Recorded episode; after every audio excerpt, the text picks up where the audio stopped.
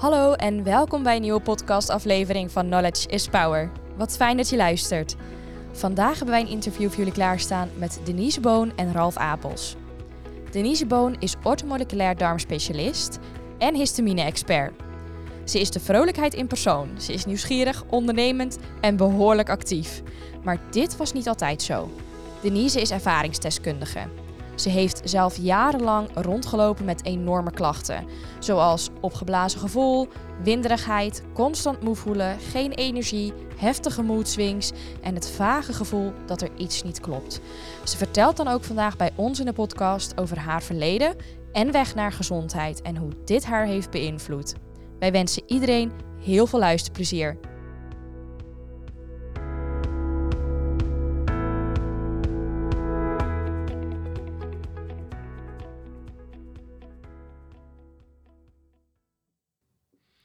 Hallo, hartelijk welkom bij een nieuwe aflevering van de podcast van RP Sanitas Humanus of Knowledge is Power. Vandaag zit ik hier met de heel gewaardeerde collega Denise Boon uit Baren. Denise is uh, een heel gedreven collega in het brede veld van gezondheid. Zij is bekend ook als uh, mevrouw tegen de opgeblazen buik. Um, en heeft zich per abuis verder ontwikkeld uh, in de specialisten over histaminintoleranties. Zij heeft daar zelf een boek over geschreven, een kookboek over geschreven, uh, wat zeer aan te raden is. En daar komen natuurlijk een aantal vragen naar voren. Denise, eerst nog maar hartelijk welkom en leuk dat je tijd genomen hebt hier met mij te zitten. Dankjewel Ralf en ja. dank voor de uitnodiging. Nou, heel graag gedaan. En ik weet natuurlijk, omdat je ook diverse ook lezingen voor RP Sanitas heeft uh, verzorgd, zowel in het Nederlands, maar ook in het Duits.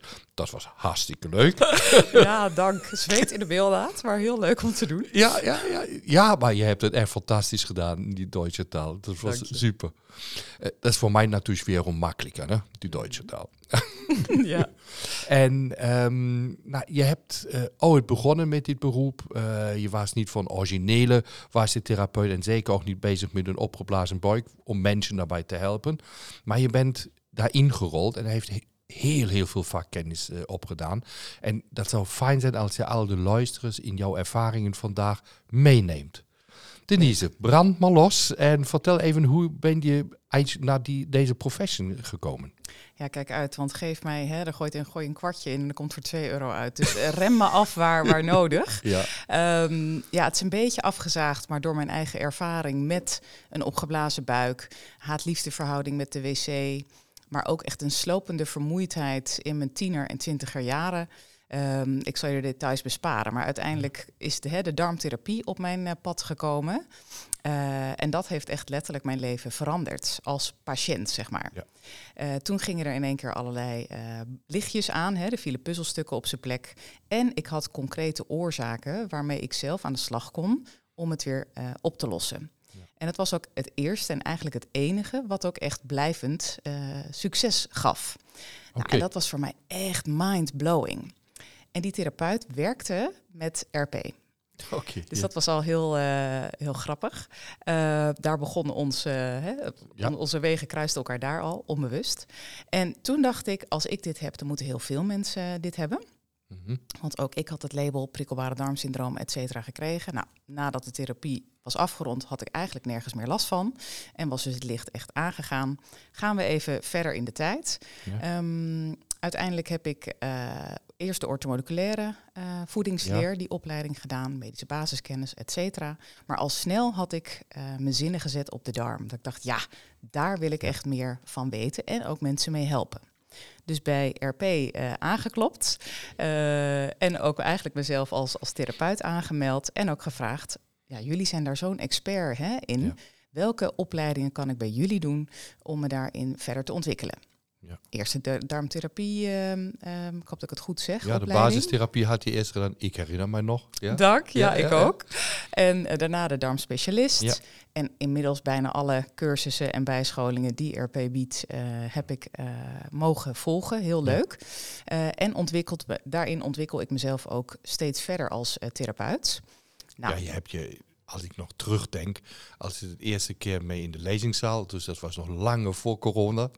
En daar had je natuurlijk ook altijd heel eh, spannende vragen gesteld. Je was, uh, nou, jullie moeten ja, jullie kunnen het nu niet zien, maar de naam ook mispositief. Dus uh, dat is zeer, ja. zeer terecht. En Denise heeft altijd heel veel ook diepgaande vragen gesteld om het te begrijpen. En dat eert je zeer. Je gaat op zoek, je probeert uit en je benadert het toch altijd positief.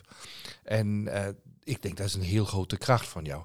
Maar ik wil nog maar even een heel klein stukje terug. Ja. Um, je vertelde, nou, je hebt zelf blijvende succes gehad. Als je de luisteraars even mag geven, wat waren voor jou zo die hoofdsuccessen die je buik hebben ontlast?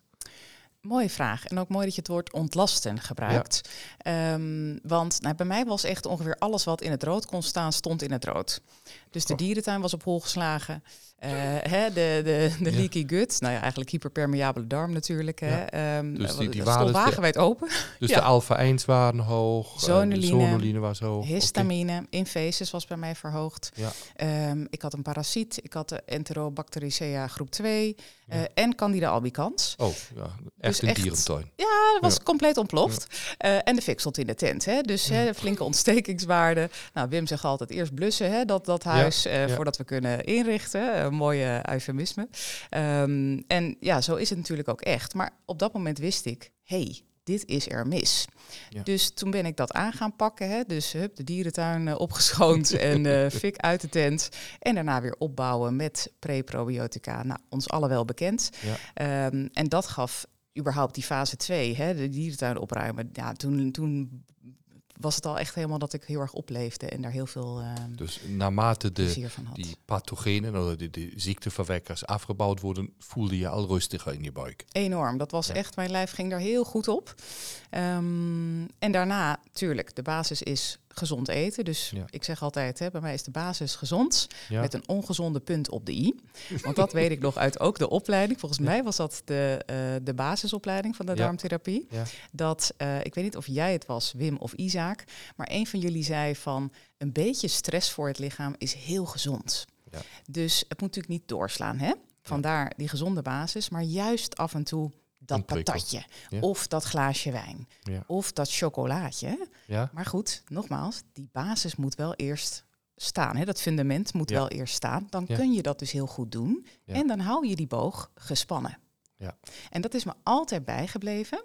Net als, maak ik even een linkje naar uh, dat ik per abuis uh, histamine-expert ben geworden. Ik weet nog heel goed dat Wim in de opleiding zei, let op histamine is een van de meest ondergediagnosticeerde stoffen, ja. uh, maar speelt heel vaak een rol bij uh, de klachten en hè, problematiek van onze uh, cliënten. Ja. En dat is me zo bijgebleven dat ik dacht, oké, ik maak nu de commitment met mezelf dat ik altijd de histamine op beide manieren ga meten bij mijn klanten, want ik ga niet af op aannames. Ja. ik wil het zeker weten.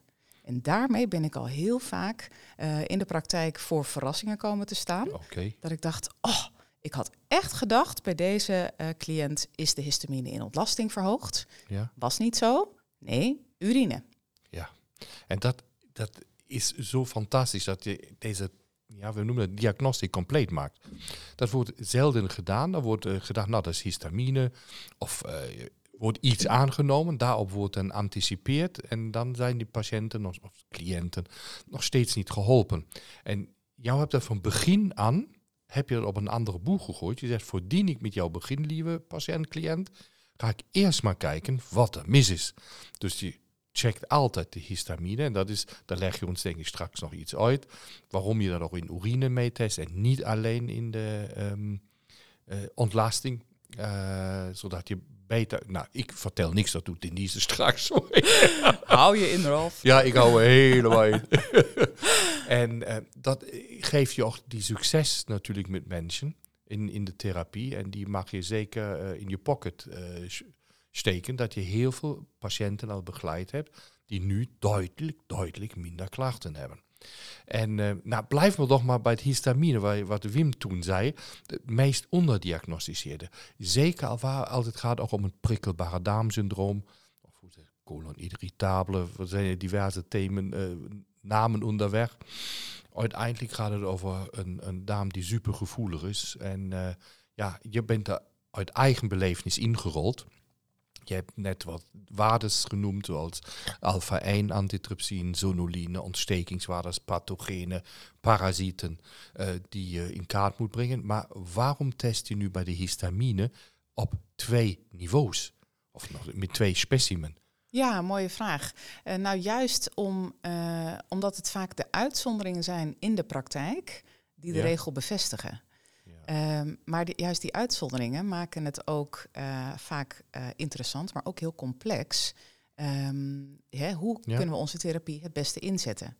Dat gezegd hebbende geeft het juist vaak ook weer hele concrete handvatten van aan welke knoppen kan ik het beste draaien bij deze cliënt. Ja. Ehm, en dat vind ik zo fijn. Want ik heb al een aantal keer gehad, ehm, ook dat ehm, er cliënten bij mij kwamen en zeiden, nou, ik heb al mijn hele leven lang zoveel allergieën. Ehm, weet ik al, is al heel vaak getest en gehertest, dus dat weet ik. Ja. Dus mijn histamine zal ook verhoogd zijn. Dat is een, ergens een terechte aanname, hè? Ja. dus dat, dat is vaak ook gelinkt aan elkaar. Maar ik heb, nou, ik denk bij een, een cliënt of vier, vijf, die met dergelijke klachten eh, bij mij kwam en ook dergelijke dingen al wist over zichzelf, heb ik gezien dat die histamine helemaal niet verhoogd was. Zowel niet in ontlasting als niet in urine. Ja. Dus geen wet van persen en meten. Dat is het. En dat maakt het weer zo interessant. Want stel voor, ik had die meting niet gedaan bij die cliënt. Ja? Dan had ik mijn therapie ingezet, sowieso op histamine verlagen. Ja? Een histaminearm dieet geadviseerd. Wat met alle respect, maar gewoon echt het ergste is wat ik iemand kan adviseren. Het is gewoon niet leuk. Er Nee. zijn zoveel dingen die je dan niet mag eten. Ja. En voor de meeste mensen is het tijdelijk, dat is dan weer heel fijn. Maar er zijn ook mensen die de pech hebben daar echt gevoelig voor te zijn en te blijven. Ja. Nou, eh, ga er maar aan staan. Heel veel ook gezonde voedingsmiddelen zijn weer histamine-rijk of zetten het vrij. ja. Kom je daarnaast? Sorry, ik Nee, ja, die, door. zijn er voor lange tijd niet te nuttigen. Dat is het. En daarnaast maakt het ook, het is natuurlijk sowieso een hele complexe stof, ook hele interessante stof. We hebben het elke dag nodig. Elk Ja. lichaam maakt het de hele dag door aan. Alleen, die histamine-emmer moet ook geleegd worden s'nachts. Ja. Dus hè, zit het hem aan de aanmaakkant of de afbraakkant? Nou, alleen daarvoor al zijn die testen, vind ik, hè, eh, onontbeerlijk. Ja. Dat moet je weten. Dus juist ook de DAO meten in eh, serum, hè, in bloed. Mhm. Dat is in ieder geval het enzym wat we kunnen meten van... hey, schort het misschien ook aan de afbraakkant? Ja. Kun je ook weer wat mee in je therapie? Ja. Dus voordat je iemand, hè, tussen aanhalingstekens, zomaar het advies geeft... ga jij maar histaminearm eten, wil ik wel echt zeker van mijn zaak zijn. Want ik weet uit praktijk Ja. eh, hoe ongelooflijk... Nou ja, ik zal het woord niet zeggen, maar hè, we kunnen hem invullen. ja. Het is om met zoveel Ja. beperkingen je dag door te komen, want dat is het.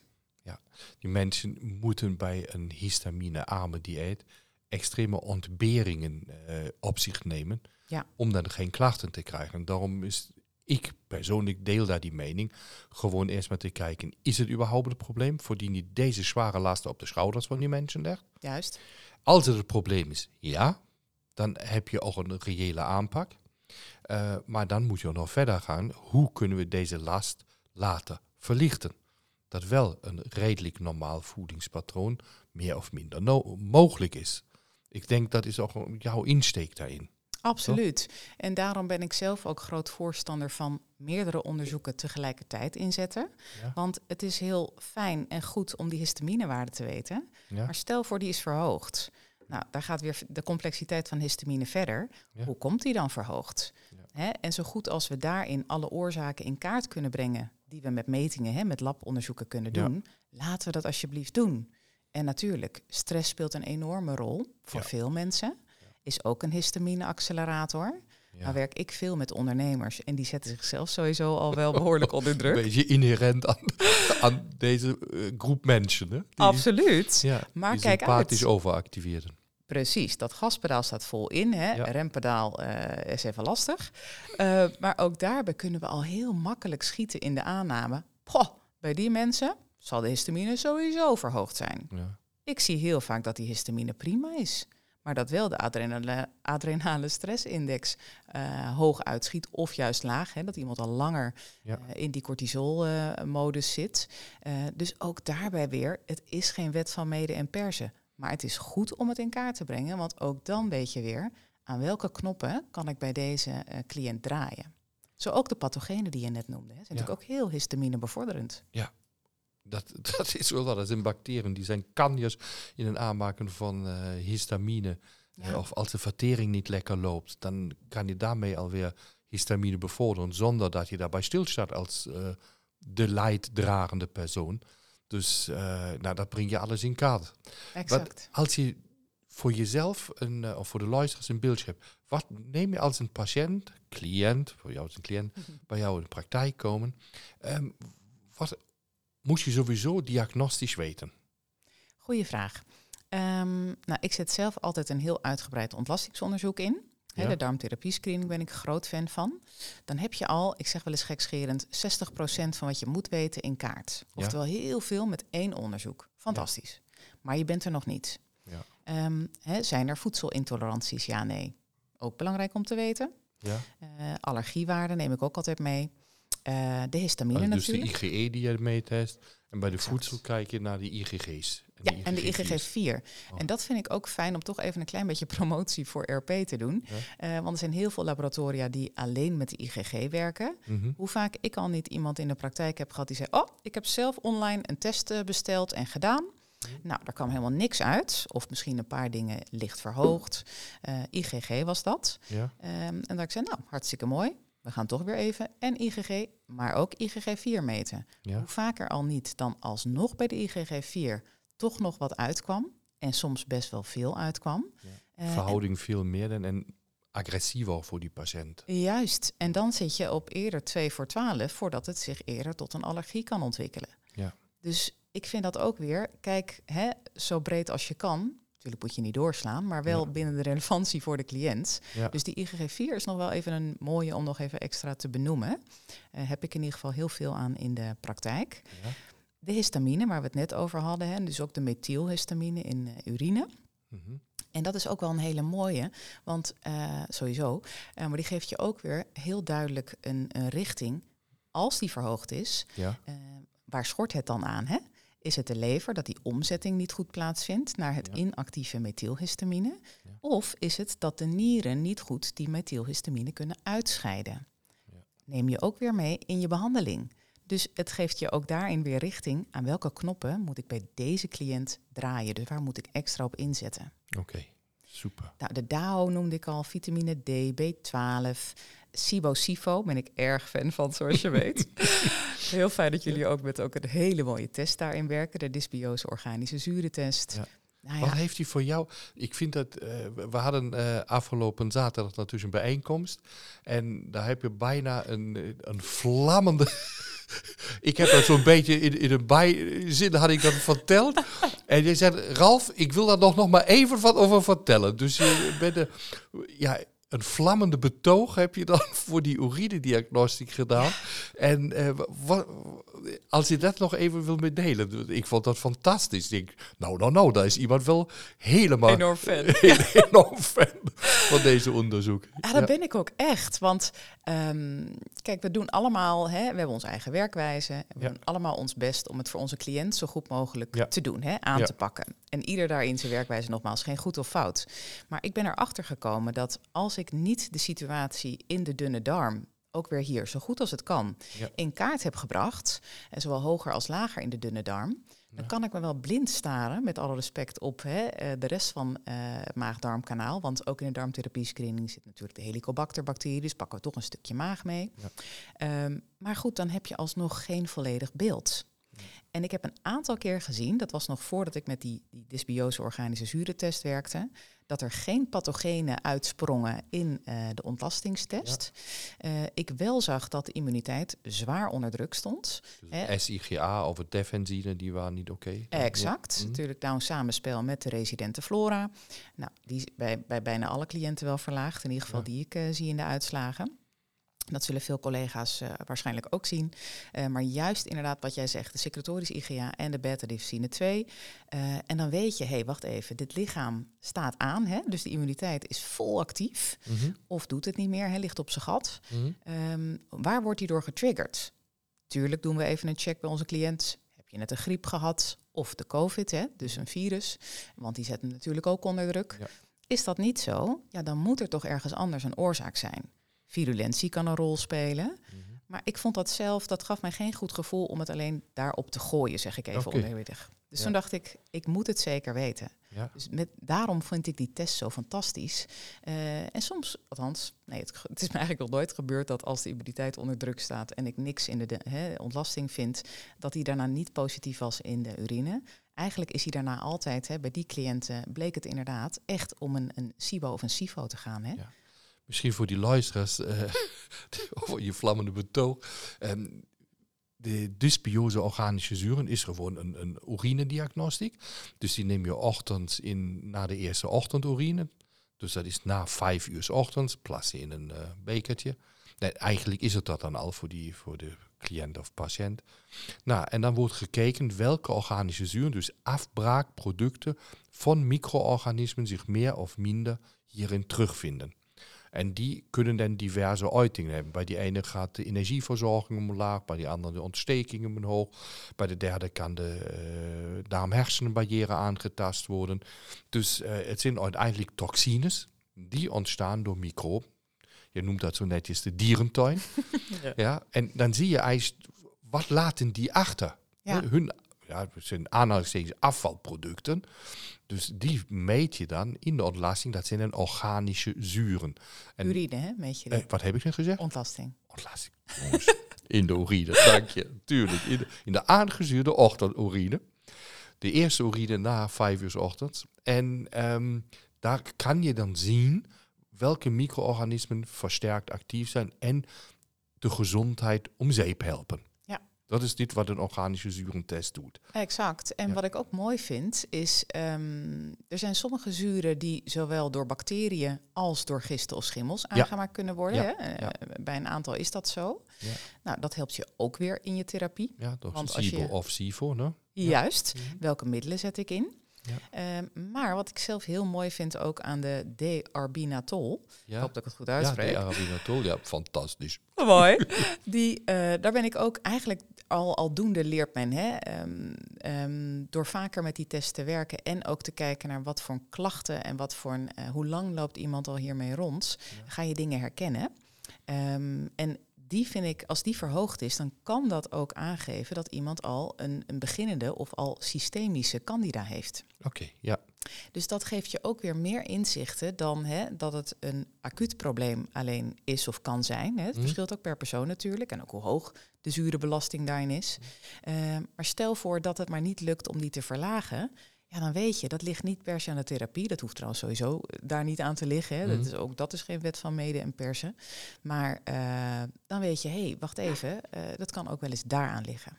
Ja, dat is waar.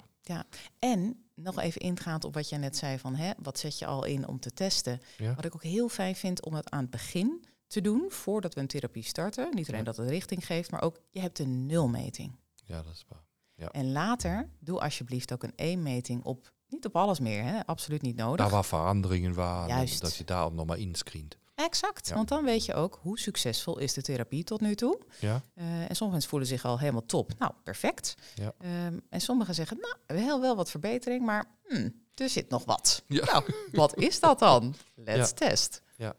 Ja. En als je die testen alle gedaan hebt, dus dan start je je therapeutisch beleid. Ja.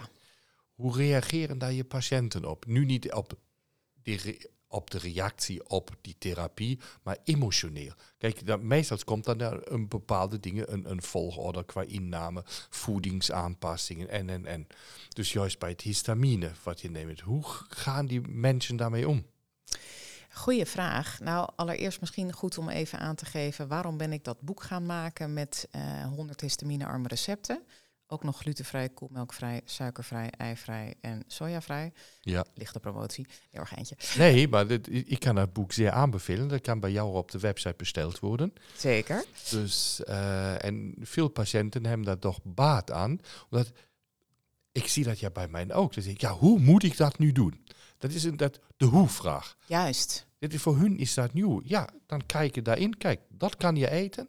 Daar kan je, heb je een wat varieerde dieet. Het smaakt nog lekker ook. Dus dat is een handvatten. Precies, en, En, dat die is moet ook je geven. juist, want dat is ook, ik ben altijd heel erg pragmatisch ingesteld. Dus ik hou van, eh, zo goed als het kan, Ja. praktische oplossingen. Ja. En ik ben sowieso een oplossingendenker. Ik ben echt zo'n uh, acetylgeliende stuiterbal, zeg ik wel eens gekscherend. Uh, Ja. Ik zie altijd overal kansen en oplossingen. En nou ja, er is altijd een weg. Alleen, ik kon nu niemand tippen op een goed handzaam en prettig kookboek. Ja. Dus ik dacht, nou, hm, oké, irritant. Dan, uh, dan moet ik het maar zelf maken. Ja, Zat ik totaal niet op te wachten met toen een baby en weet ik wat. Maar Ja. ik dacht, ja, nee, dit moet er komen. Dus, ehm, dus om- dat is de reden dat ik dat heb eh, gemaakt. En daar hebben heel veel cliënten in de praktijk veel baat bij. Nou is het niet per se een menu om precies rigide aan vast te houden. Het is echt inspirerend bedoeld voor wat kan er nog wel. Want er kan Ja. ook heel veel nog wel. Ja. Alleen je moet net even daarin geïnspireerd worden. Nou, de ene persoon, om antwoord te geven op jouw vraag, eh, dat zullen heel veel collega's ook eh, herkennen, eh, reageert meteen al hè, positief in de zin van ze merken verbeteringen naar aanleiding van start met supplementen en voeding. Ja. En de ander heeft een langere adem nodig. En dan komt ook een stukje coaching om de hoek kijken. Hè, Met alleen neem je pillen in en eet volgens het boekje. Nee, dan kom je er niet. En even inhakend op waar we het net over hadden met de gezonde basis met ongezonde punten op de i. Ja, Dat geef ik ook mijn eh, klanten mee. Tuurlijk, soms moet je eerst even die broekriem strak trekken. Hè? Mhm. En voor sommige cli- cliënten werkt het ook goed om nee, hij moet bij mij echt even een paar maanden strak blijven. Want als ik buiten de lijntjes ga, ruimte kle- geven, ja, ga ja. kleuren, dan, eh, dan blijf ik daarin. Nou, dat kan. Ook dat is per persoon verschillend. Maar ik krijg ook heel vaak de vraag: ja, Denise, binnenkort eh, ben ik dus jarig en ik word 40 of 50 of echt zo'n mijlpaal. ja. Ja, dan kan ik dus niks. Ofwel, hoe erg is het als ik die avond een glaasje drink? ja. By all means, tuurlijk, doen. Want als je namelijk stress gaat krijgen van... oh, wacht even, het mag niet. Ik krijg nu toch een glas champagne in mijn hand geduwd. Ik drink er maar op, maar oeh. Nou, Ja. dan gaat je lijf pas op slot. ja, dan komt stress en die trigger. Er komen Juist. twee immense triggers samen. Ja. Exact. En ik denk dat dat ook de kunst is. Leer je cliënt lezen en begrijpen. En kijk wat binnen zijn of haar eh, eh, mogelijkheden past. Of hè, wat bij iemand past. Ja. Wat ook je therapie, wat je advies wordt. En beweeg daarin mee. Eh, en soms moet je dus ook streng of rigide zijn. Dat verschilt echt per persoon. Kan je streng zijn? Ik zeker. Komt die zweep overheen. Absoluut. Ja, ja. Maar vaak ben ik wel, eh, wel flexibel hoor. Dus, Ja. eh, maar als het nodig is, dan ben ik heel streng. Ja. Ja, af, en- ja, af en toe moet toch duidelijk gezegd worden, dat kan nu niet. Juist. Dat je door deze, dat dal heen komt. Ja. zodat ook, ja, die genezingsproces wordt opgestart. Klopt, en daar, daar moet ik in één keer ook weer denken aan Wim. Ja, Wim heeft toch wel vaak eh, rake dingen gezegd, ook Ja? in de opleiding. Ik weet nog dat hij een keer zei van... eh, het is heel belangrijk om de leiding te nemen hè, in de ehm eh, therapeut-klantrelatie. En ben ik het helemaal met hem eens. En dat betekent niet dat je als een soort eh keno, hè, als ik even Ja. als een vrouw denk, te werk moet gaan. Tuurlijk, het is net hoe je het brengt. Als je maar wel heel duidelijk aangeeft, jij wil iets veranderen. We hebben iets geconstateerd. We gaan nu deze aanpak volgen. Dus hè, dat kun je op je eigen manier doen. Is ook alleen maar goed. Maar wees wel heel duidelijk, dit is de aanpak. En dat werkt vaak ook goed. Dat werkt heel goed. Waarom? Of tenminste, denk ik dat dat waarom. Omdat je de diagnostiek compleet hebt. Juist. Je kan uitleggen, beste mens, die daar zit met zijn gezondheidsklachten. En die al jaar in, jaar uit deze klachten heeft. Nämlich die meeste mensen komen ja niet naar jou als ze maar een half jaar de klachten hebben. Zo heb ik je begrepen. Ja. En eh, zo heb ik je natuurlijk, ken ik je al jaren nu. Dus daar komen die mensen die lange, lange, lange tijd die buikklachten hebben. Ja, Die die prikkelbare darmsyndroomklachten hebben. Die dat opgeblazen gevoel hebben. Dus en dan maak je de diagnostiek wel breed en compleet. ja, En dan kan je hun ook zeggen, nou, we hebben hier iets gevonden. Als we hier aan werken en jou goed meegaat, dus ook jezelf inzet, dan kan ik verbeteren. ja, Of dat kan die patiënt. Anders, je kan het staven. exact. Je blijft niet meer in het zwart-wit en het zou wel en het proberen. Dat is iets wat ik vaak meemaak. De mensen hebben gebruiken al, of proberen al sinds jaar in, jaar uit. Ja. En waar ze dan weer Dr. Google gezien hebben. En, eh, of hoe dan ook. Ehm, maar het is no nooit concreet. Maar dat is het. En dat zul jij waarschijnlijk ook herkennen, Ralf. Juist als mensen een labuitslag zien met hun naam, Ja. hun geboortedatum. En ze zien de meters in het rood. Ja. Niet allemaal, hè, maar juist Ja. die paarden waar het om gaat. maar niet allemaal. Exact. Ook trouwens belangrijk om stil te staan bij wat er wel goed gaat, Ja, hè, dadelijk van de uitslagen. Ja. Eh, en hoe sterk een lijf ook kan zijn. Ja. Ehm, maar als ze dat zien, hè, visueel voor zich zien, dan valt er vaak een kwartje. En dat Ja. geeft vaak ook weer therapie trouw om vervolgens met de handvatten die jij geeft weer aan de slag te gaan. En dat, is natuurlijk heerlijk. Hè? Het is niet alleen belangrijk om een objectieve meting te doen van hè, dan weten we feitelijk wat er aan de hand is. Ja. Er gebeurt ook heel veel in het eh, psychologische Mindset. proces, exact, bij de eh, cliënt. Ja. En dat vind ik ook altijd heel fijn aan met deze onderzoeken werken. Want wat jij zegt, ik had laatst twee dames vlak na elkaar eh, die voor me, bij mij aanklopten. Eh, en bij allebei was ik, bij de ene was ik het tiende therapeut, en bij de andere was ik het twaalfde. Tjui. En toen ze dat zeiden, ik zei, nou, die druk ligt op mijn schouders. Welkom. Maar toch hadden ze er nog wel weer vertrouwen in. Dus, Maar hè? Daar, zie je, daar zie je toch hoe, hoeveel of moedeloosheid daarin zit. Mm. maar ook hoeveel leid erin zit, het toch nog weer te proberen van deze buikklachten af te komen. Wel, wat is daar? Nou, er zijn zoveel moeilijke en vreselijke ziektes. Ja. Maar als iemand continu met zijn buik te doen heeft, heeft hij natuurlijk van ochtends, al 24 uur per dag is hij daarmee bezig. De dagplanning zet hij daarop af. En Ja. wanneer kan ik naar wc, wanneer kan ik niet naar wc. Dus een sociaal leven wordt steeds, steeds beperkter. Dus dat is een hele reeks aan klachten. Maar dat zeg je, het kan echt levensbepalend zijn. Hè? Ja. Als je eh, last hebt van je buik, ik pak hem even heel breed, heb je één doel. Dat je buik weer op orde is. Ja. Hè, regie over je buik. Ja. Is dat op orde? Kun je daarna die tien of twintig andere ideeën en doelen die je hebt, die kun je dan pas nastreven. Ja. Maar zolang die buik niet op orde is, dan is dat constant waar je mee bezig bent. En dat is natuurlijk gewoon onwijs vervelend. Dat, Maar het is ook belangrijk, eh, dat schoot me net te binnen toen je aan het praten was. Ehm, het is ook belangrijk om te zien, waar, en ook voor jezelf te erkennen, waar ligt mijn expertise en wie kan ik helpen en wie niet.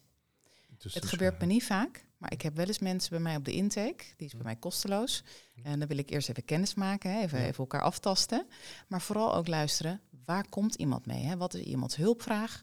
Wat heeft iemand al gedaan? Ja. Om de oorzaken te, aan te pakken en ook hè, om zelf, eh, misschien zelf met dingen aan de slag te gaan. Eh, en als ik het idee heb, ik ben niet de therapeut voor deze cliënt, zeg ik dat eerlijk. En dan verwijs ik ze liefdevol door naar een collega. Ja. Want anders heeft de cliënt er niks aan. Jij ook niet. Dan wordt het hangen en wurgen. Ja. En dan wordt het niet wat. Weet je, daar is, daar is een heel leuke Duitse uitdrukking. Ik moet eerst zeggen, ik weet niet hoe die in het Nederlands heet. Die heet Schuster, blijf bij deinen lijsten. Ja, schoenmaker blijft bij je leest. Oh, exact in Nederlands. Ja. dat is een goeie. Ja, maar dat is niet wat je dan doet. ja, Je, je- je ziet jezelf, die expertise, die ont- ontzettend goed is. En, eh, en heel uitgebreid is. Maar dan zeg je ja, hier, daar en niet verder. Ja. Dat is natuurlijk fantastisch. Dus, eh, en dan kan ja, eigenlijk zouden we dat alle moeten hebben. Hè? Dus en daar is in de reguliere zorg, bestaat dat ja al, hè? klopt, klopt. Dus- Ja, en ik, ik weet zeker, er zijn meerdere collega's die dat ook doen. Maar ik denk dat er Ja. ook heel veel collega's zijn die dat misschien niet doen. Terwijl ze van binnen misschien wel voelen. Oeh, dit is denk ik niet hè, Ja, de cliënt voor mij.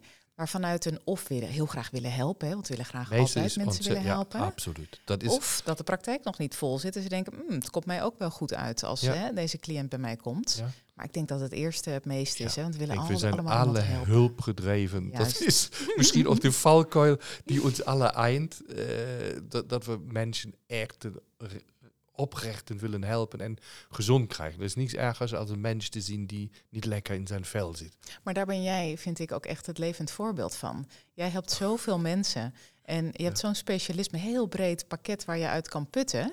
Ja. Eh, niet alleen therapeuten, maar ook hè, jouw patiënten. Eh, ik vind het echt even fantastisch, dat wil ik even zeggen tegen je. Fantastisch wat je allemaal doet. je. En daar wil ik je ook heel erg voor bedanken. Graag, dank je. Eh, maar nu gaat het weer over jou. Oké, oké. Ehm, als je, ik wil nog maar terug naar het begeleiden van je cliënten. Wat zie je, wat, wat je altijd eigenlijk, nou altijd is een, nee, nee, ik wil nog even eerst een stuk terug. Je zegt, als die, dat zeer passende opmerking, als die buik niet oké is, dan kan je alle andere dingen ook niet aanpakken. Omdat die zo belemmerend is, ook in je waarneming, eh, in, in je gezondheidsfeeling. Eh, of gut feeling, zoals dat zo netjes heet. En ehm, ja, dat je zelf ook dingen van buitenaf niet meer goed waarneemt. Hè? Ja, En dat is eh, een, een, een bekende, natuurlijk uit de oude Oosterse geneeswijzen, noem je dat altijd de energie van het midden. Weet je, daar, daar was nog geen microbiologie bekend, nog geen immunologie, duizenden jaren terug. eh, waar iemand zei, nee, we moeten de energie in het midden, de spijsvertering, dit moet lekker lopen. Loopt dit niet, is die mens ziek. En als je dat, vandaag kan je heel veel dingen eh, wetenschappelijk aantonen. Maar zelf in deze ja, ervaringsdisciplines was dat al vastgezet. Mm. Dat heb je nu nog maar beaamd. Maar als je nu een stuk verder kijkt, wat doe je bij de allermeeste mensen moet je doen om überhaupt hun spijsvertering, het midden, het middenstreek van je lijf, hoe moet je die dan ondersteunen? Wat zijn zo, ja, misschien voor de luisteraars een paar tips en trucjes die je toch vaak moet toepassen? Nou, het is een goede dat je dat aanhaalt. Want de vertering, juist ook bij hè, ondernemers waar ik veel mee werk, eh, Ja. heeft het zwaarder onder te lijden. Alleen maar als het de gas geven, Ja.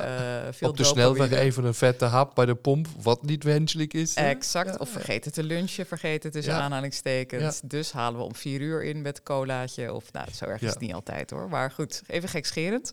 Eh, maar op het moment dat je dus eigenlijk alleen maar, of voornamelijk in die sympathicus zit, Ja. ja, dan kan die parasympathicus op de momenten dat je een eetmoment hebt, niet goed eh, geactiveerd worden. Hè, en dus ontspanning Ja. geven voor het lichaam.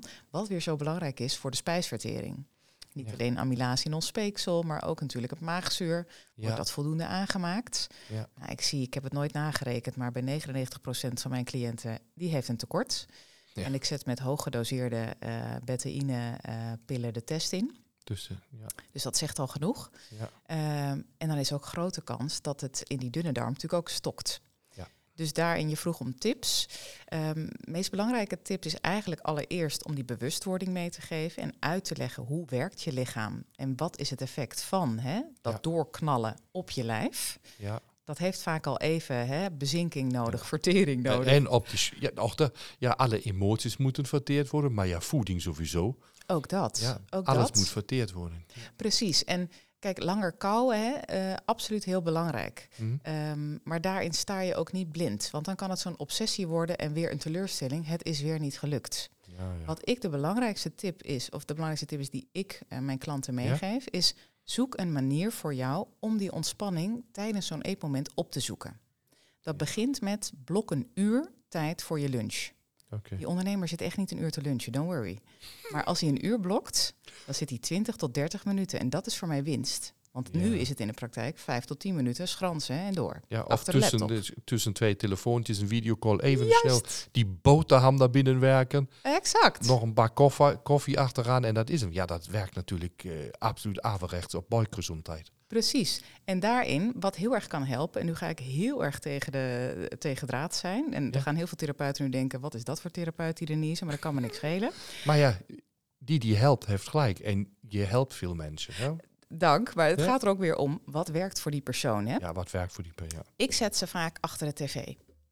Zo. Dan zeg ik, ga maar net, waar ontspan je van? Welke Netflix-serie of weet ik veel, eh, wat dan ook. Ja? Pak je bord, bereid alles van tevoren voor. Je gaat zitten, je gaat letterlijk even in die ontspanning zitten. Goed ademen. Ja. En dan begin je al ontspannend je maaltijd. En natuurlijk moeten ze dan geen Jaws kijken. Liever Friends of zoiets, Ja, hè, om even lekker te lachen. Ja? Het werkt als een malle.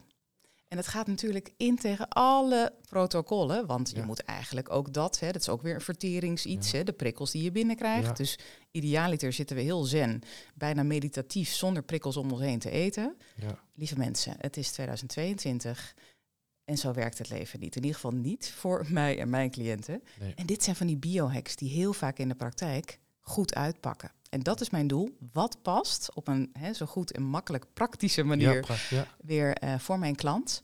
En binnen mijn klantengroep werkt dit vaak heel goed.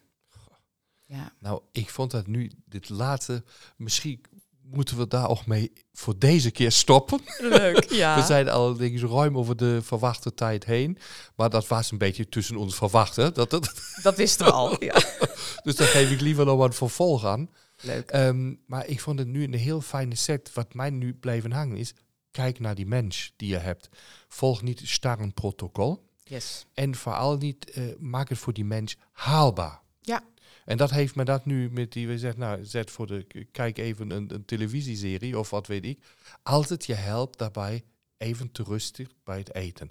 Inderdaad, zou dat de nodige uh, andere commentaren opleveren, maar dat is ook oké. Zeker, kom erop. Uh, dat, ja, maar dat zijn, dat zijn natuurlijk jouw ervaringen. En je helpt mensen daarmee tenminste een deel van ontspanning mogelijk te maken om te kunnen verteren. Ja. En uh, de midden moet gezond zijn. En ook dit is geen wet van mede en persen. Hè? Het zijn juist die uitzonderingen. Dus durf ook anders te kijken. Ja, dus kijk buiten de scoop, hoe dat zo... Ja, de scope, oh, ja. ja de scope. Kijk daar omheen en uh, kijk waar je je patiënt het beste kan oppakken om te begeleiden. Het is een weg Juist. die je samen gaat. Ja. Daarom gaat het. Denise, mijn dank. Jij het was ook, fantastisch je hier te hebben. En uh, ik ben zeker, we geven een vervolg aan om daar nog meer praktische tips te kunnen geven uh, op het omgaan met histamineproblematiek of dan wel sowieso een opgeblazen buik. Heel erg graag, veel dank. Ja, graag. En mensen, kijk maar op de website van Denise Boon. Uh, kijk naar het boek. Uh, wat, wat jullie daar kunnen bestellen voor de patiënten. Hoe ze het beste met histamine kunnen omgaan. Daar, ik krijg net een teken, ik moet even stoppen met uh, praten. Nou, bij deze. Ik wens je dankjewel voor, de, voor het luisteren en tot de volgende keer. Dankjewel Denise. Jij ook. Lieve luisteraars, niet schrikken, het is een iets andere outro dan jullie gewend zijn van deze podcast. Maar we hebben nog even een hele leuke mededeling. En daar hoort het passende muziekje natuurlijk ook bij. Op 24 december om 10 uur ochtends hebben wij niet één, maar twee afleveringen voor jullie. En waarom? Nou, het is kerst en dat willen wij natuurlijk ook met jullie vieren. En eentje is de kerstspecial, dat is samen met Ralf Abels en met mij. En we gaan in op 2022. Wat waren nou echt de hoogtepunten? En wat was nou echt uh, een van de mooiste belevingen dit jaar? Wat is er allemaal gebeurd? Het was een jaar vol veranderingen. En dan hebben we er nog eentje, dat is met Kracht de Winter door. Dat is samen met Patrice Cox en met Ralf Abels. Zij geven allemaal handige tips en tricks hoe jij nou gezond en sterk de winter doorkomt. Heel erg leuk, super interessant, dus luister die zeker. We wensen iedereen heel veel luisterplezier.